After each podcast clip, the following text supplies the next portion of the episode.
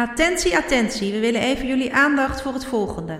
Dit is de één na laatste aflevering van de Waanzinnige Podcast. En als jullie willen dat wij meer mooie podcasts maken, hebben we jullie hulp keihard nodig.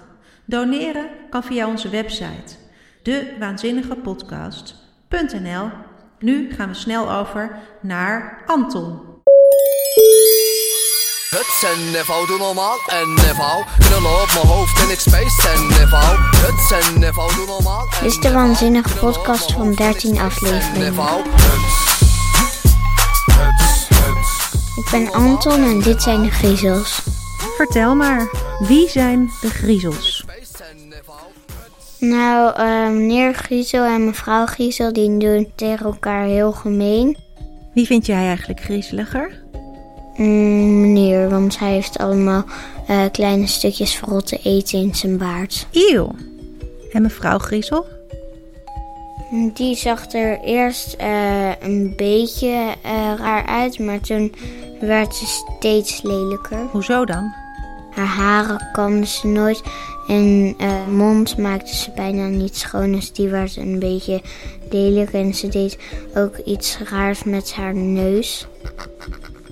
Mevrouw Griezels oog was eruit, dus toen had die een eh, glazen oog. En dat glazen oog, dat had ze. Eens een bierglas gedaan en toen had hij gedronken. En toen zag hij opeens het glazen oog en toen schrok hij heel erg. En toen deed meneer Griezel een kikker in haar bed. Hij zei dat het een reuze kribbenbijter was. En toen pakte mevrouw Griezel hem weer terug. Met de pasta had ze wormpjes erin gedaan als pasta en toen vond hij dat heel erg vies.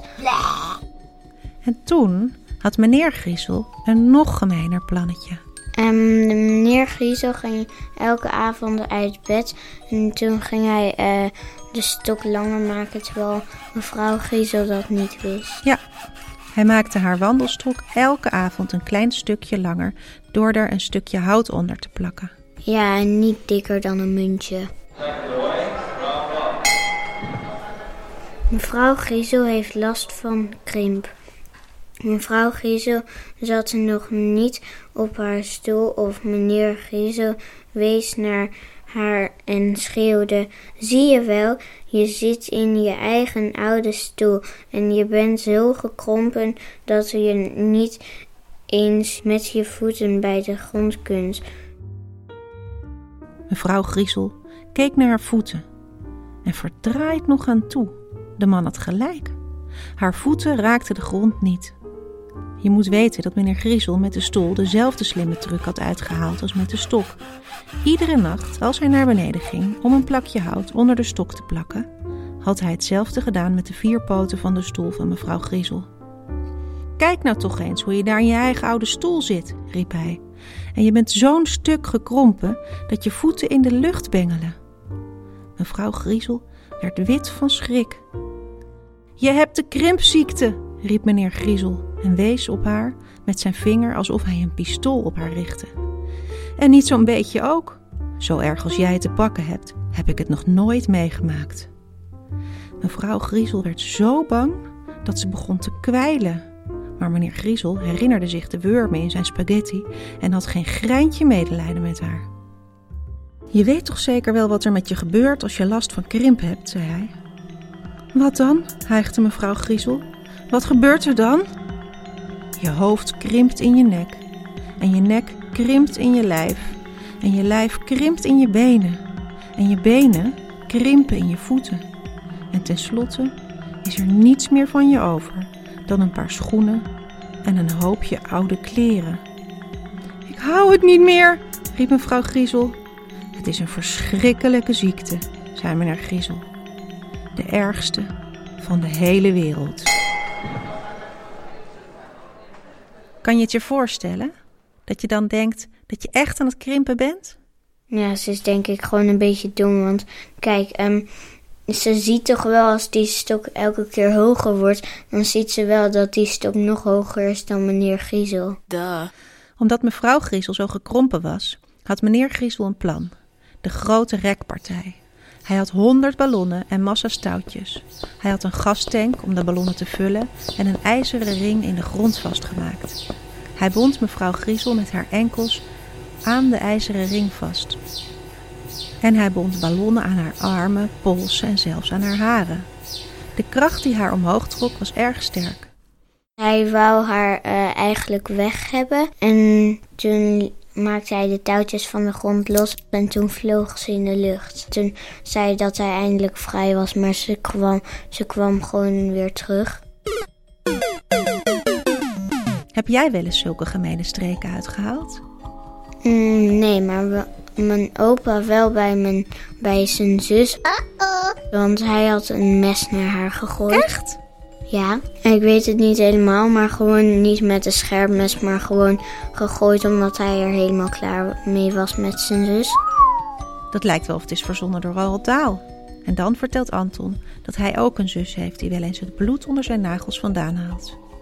We krijgen elke keer eh, heel snel ruzie. Oh, Zij steekt bijna elke keer haar middelvinger op.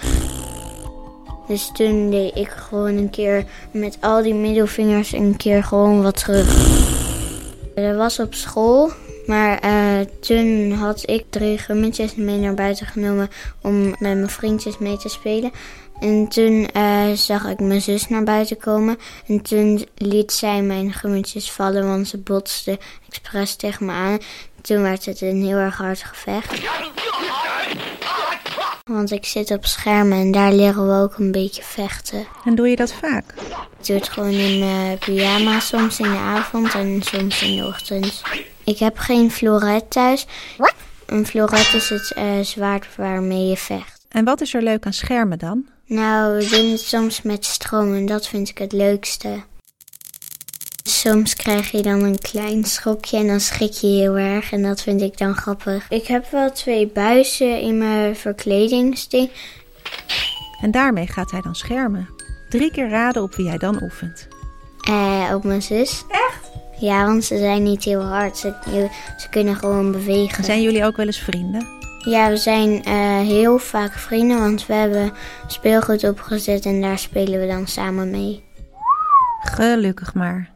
Nog even terug naar het verhaal, want meneer Griezel is niet alleen gemeen tegen zijn vrouw. Eh, meneer Griezel heeft eh, vier apen uit Amerika en hij wil dat eh, ze op de kop staan.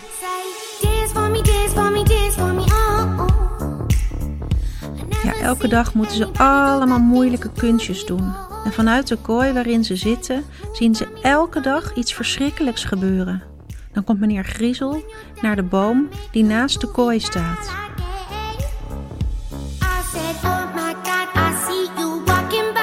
Hij smeert elke avond eh smeersels eh, op de boom en dan eh, gaan de vogels daar zitten. En dan gaat hij ze volgende dag pakken en dat wordt dan het avondeten. En meneer Griezel maakt dan, Vogelpastei. en de kooi met de apen, Die staat naast de vogelboom waar altijd de vogels op gaan staan. En die, zeg, die kunnen niet zeggen, eh, je mag niet op de boom, want daar is meer zo. Want ze kunnen alleen maar Amerikaans. Tja, de apen spreken geen Nederlands, dus ze kunnen de vogels niet waarschuwen. Toch krijgt dit nare verhaal een heel grappig en spannend einde. Wil je weten hoe het afloopt? Ga dan snel naar de boekhandel of naar de bibliotheek. Dan pak je hem snel en lees hem lekker uit. Dit was dus De Griezels van Roald Dahl. Het is vertaald door Huberte Vriesendorp. De tekeningen zijn van Quentin Blake. Luister nou even. Ja, luister heel even. Ik weet dat het raar klinkt, maar ik wil het toch vragen. Ja, we willen toch vragen. Wat? Vind je me aardig? Vind je me aardig? Bert, lieve vriend. Luister je graag naar de podcast? En zou je willen dat we na de zomer nog veel meer podcasts maken? Dan, je bent een schat. Vertel dan al je vriendjes en vriendinnetjes over de waanzinnige podcast. Het, Bert. En vraag dan aan je papa, mama, opa of oma, meester of juf om naar de website te gaan. Dewaanzinnigepodcast.nl En klik op de knop doneer. Of vind je mij soms een kwal? Oh Ernie, ik vind je aardig. Echt Dat wel? is een feit. Ik vind je aardig. Hoe fijn. Weet je toch al een tijd. Dankjewel voor het luisteren naar deze speciale boodschap. Over twee weken zijn we er nog één keer. Dan vertelt Omera over een hele zielige zwerfhond en het meisje dat hem redt. En, maar Bobby die ging voelen waar zijn ogen waren, want het was een klittenbol. Ben je er klaar voor? Allemaal kleppen dicht en snavels toe. Snaveltjes toe. Stil. Ja, nu. Luisteren. Veel plezier.